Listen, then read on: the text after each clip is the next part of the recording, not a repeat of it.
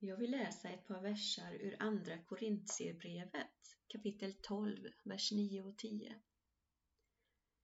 Men Herren svarade, min nåd är allt du behöver. Ja, i svagheten blir kraften störst. Därför vill jag helst skryta med min svaghet, så att Kristi kraft kan omsluta mig.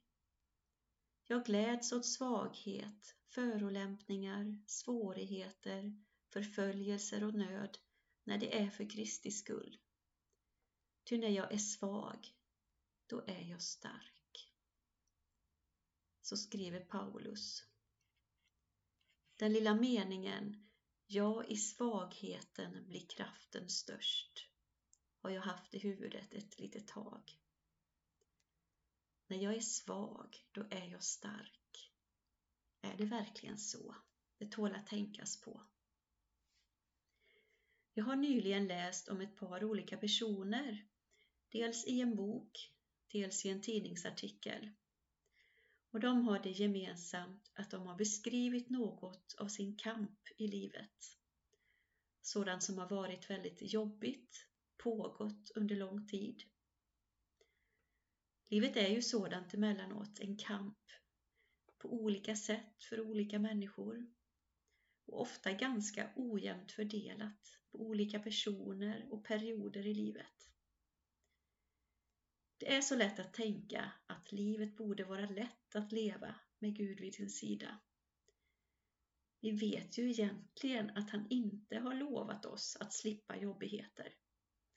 Men ändå är det ofta så, åtminstone för mig, att man tänker att det borde kunna flyta på åtminstone lite smidigare än vad det ofta gör.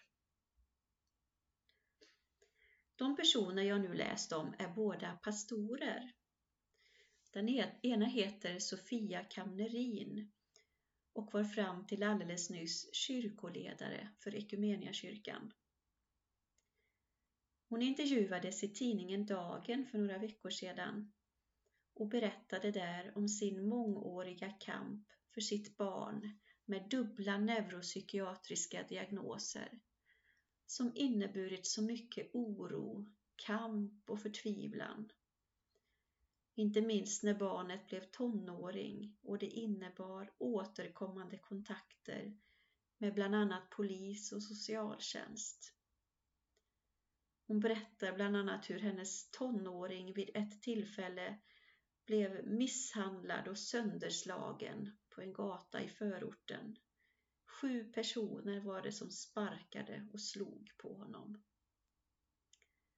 Och hon berättar om hur i en orosanmälan som skolan gjorde till socialtjänsten att det där stod om Sofia Kamnerin och mamman bara gråter. Och när barnet var 17 år fattades beslutet i ett möte med socialtjänsten att han måste flytta. Familjen klarade inte av att han bodde hemma längre. Jag kan inte låta bli att undra hur Sofia Kamnerin har klarat att vara kyrkoledare och samtidigt haft det så tufft hemma.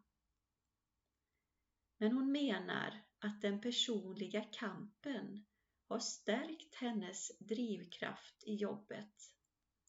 Där så mycket går ut på att göra kyrkan till en kyrka som finns med människor som lider och kämpar. Hon berättar också att hon känner sig frustrerad över hur många kristna ser på lidandet som något man måste gå igenom för att allt sedan ska bli bra. Hon säger men tänk om det inte är så, utan att det finns en kraft i lidandet. Jag menar inte att vi ska stanna kvar i långfredagen, men jag tror att vi måste förstå att livet alltid kommer att vara både trasigt och helt. Vi tror ju på en frälsare som uppstår med sår på kroppen. Sofia poängterar vad hon tror kyrkan behöver. Vi behöver återupptäcka det brutna. Vad gör det med vår självbild och vår syn på församlingen om vi tar in att sprickorna är platsen där kraften föds. Så håller jag på och läser en bok av Fredrik Lignell. Den heter Bottenkänning. Där har vi också en pastor som beskriver sin stora kamp. Bland annat för sin dotter med svåra depressioner. Boken innehåller mycket kamp och mörker. Samtidigt hopp och kraft att ändå fortsätta tro. Jag ska inte berätta mer ur den nu också, för det blir för långt.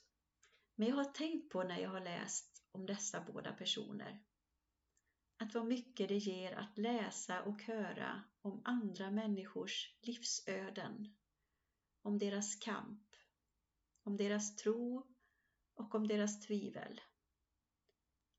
Att livet inte är perfekt för någon av oss. Att få höra någon annans berättelse, även om det kanske inte är särskilt mycket som påminner om min egen, kan ändå ge en känsla av att jag är inte ensam. Och jag kan känna igen mig i det Sofia Kamnerin sa om att många kristna ser på lidandet som något man måste igenom för att allt sedan ska bli bra. Man tror på något vis att det ändå ska vara lätt. Men så inser man att det kommer hela tiden nya prövningar och att det ju faktiskt är som hon också säger att livet här på jorden nog alltid kommer att vara både trasigt och helt. För alltid är det ju något. Och jag tänker att det är så viktigt att vi i kyrkan skulle lite mer våga visa oss svaga. Våga visa att livet inte alltid är så lätt.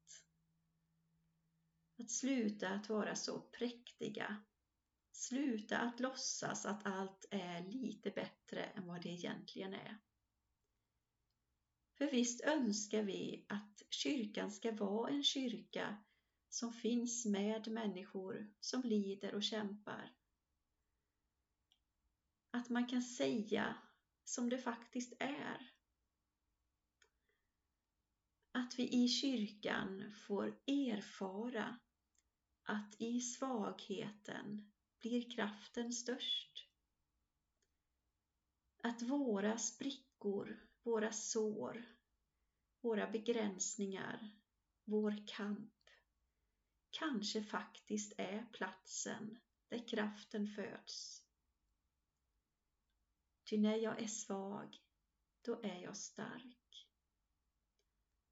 Och kanske är det också så att det är just genom dessa sprickor som Guds ljus och trofasthet kan lysa så att andra människor kan se.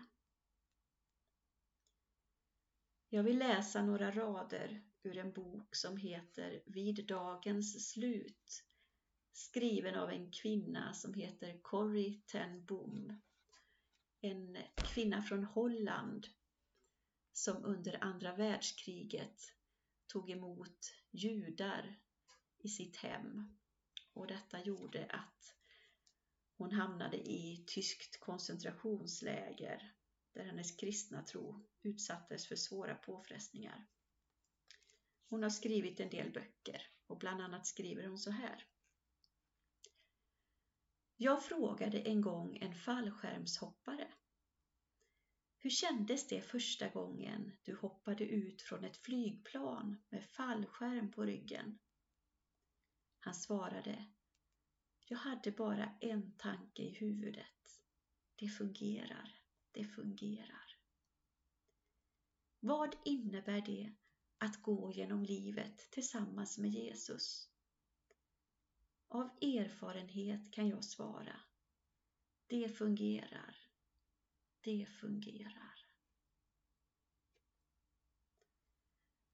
Ja, hur vi än har det i våra liv, i glädje, i sorg, i tro och tvivel, i kamp och brottning, får vi igen och igen överlämna allt till Gud. Gå tillsammans med honom och inse det fungerar. Det fungerar. Han är trofast genom allt.